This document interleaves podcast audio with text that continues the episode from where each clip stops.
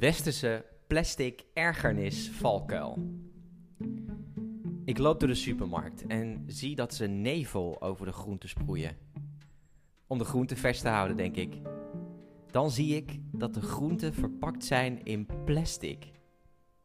Really? Die nevel komt niet eens bij de groenten. Wat een belachelijke actie. Het is een van onze grootste ergernissen als we boodschappen doen of een bestelling thuis ontvangen. Plastic verpakkingsmaterialen die voor ons gevoel niet nodig zijn. Combineer die ergernis met beelden van stranden vol met plastic en dieren die het opeten en je hebt de ultieme westerse plastic ergernis cocktail. Die cocktail kan voor ons ook een valkuil worden. In 2018 deed ik de hele maand september mee aan het plastic dieet. Een maand lang zo min mogelijk plastic consumeren. Ik leerde dat structurele, kleine veranderingen voor mij het beste werkten. Ik kocht een broodzak en een netje om groente en fruit in te doen. Nu, na het plastic dieet, laat ik eerder producten verpakt in plastic liggen, omdat ik beter weet wat en waar de alternatieven te vinden zijn. Na het plastic dieet realiseerde ik me ook dat minimalisme, minder en bewuster kopen en plantaardig eten mijn favoriete manieren van duurzaam leven zijn en dat ik met extreem plastic minderen niet zo heel veel positieve impact maakte. Helemaal als ik keek naar al die tijd en die moeite die ik erin had gestoken. In het boek De Verborgen Impact van Babette Porcelein las ik dat spullen en vlees de grootste verborgen impact hebben op de aarde. Babette schrijft in haar boek dat plastic eigenlijk helemaal niet zo slecht spul is. Het moet alleen niet in de natuur terechtkomen. Klopt. Plastic in de natuur. Dat is de grote boosdoener.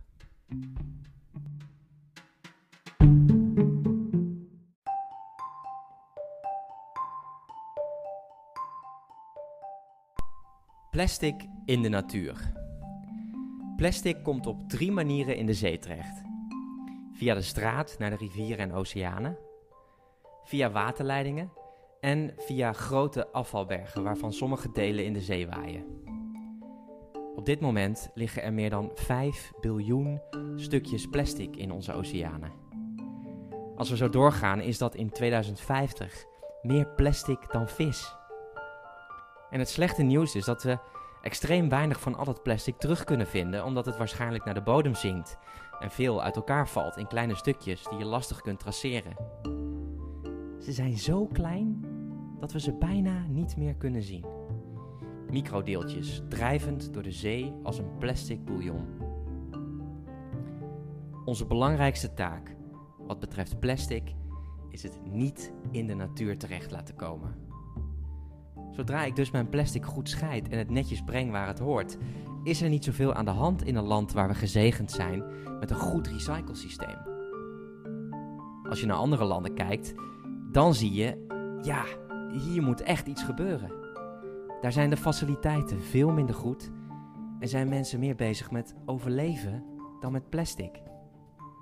En laat daar nou die verschrikkelijke beelden vandaan komen.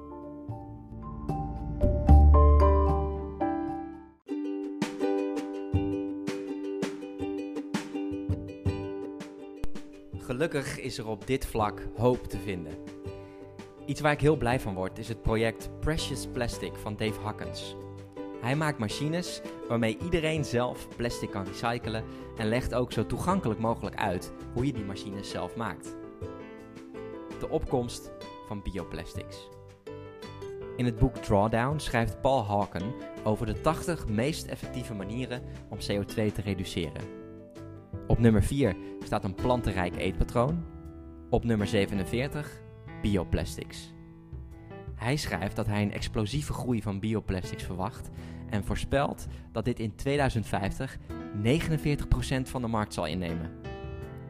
Bioplastics die kunnen door de natuur snel worden afgebroken en zijn bijvoorbeeld gemaakt van aardappelen, suikerriet, boomschors en algen. Hier ligt ook een verantwoordelijkheid bij de grote westerse supermarkten. En een bedrijf zoals Ecoplaza gebruikt deze plastics al. Go Ecoplaza. Plastic wordt gemaakt en geregeerd door olie. Plastic van olie is spotgoedkoop om te maken en bioplastics zijn duurder. Maar gelukkig dalen die kosten dus snel. De overheid kan dit proces versnellen door plastic gemaakt van olie te verbieden.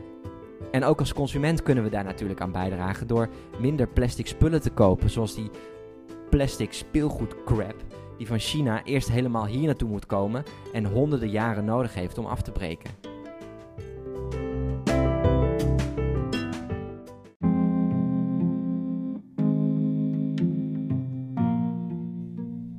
Laat dit duidelijk zijn.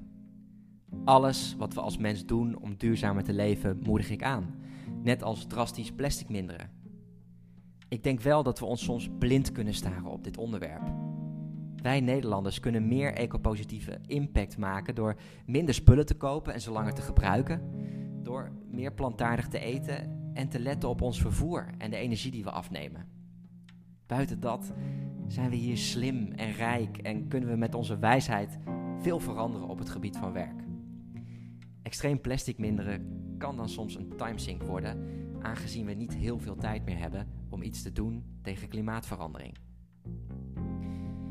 Heb jij nou vragen of opmerkingen naar aanleiding van deze podcast? Of wil je verder praten met anderen over persoonlijke groei, minimalisme en duurzaamheid? Join dan de Growthinkers Discord chat.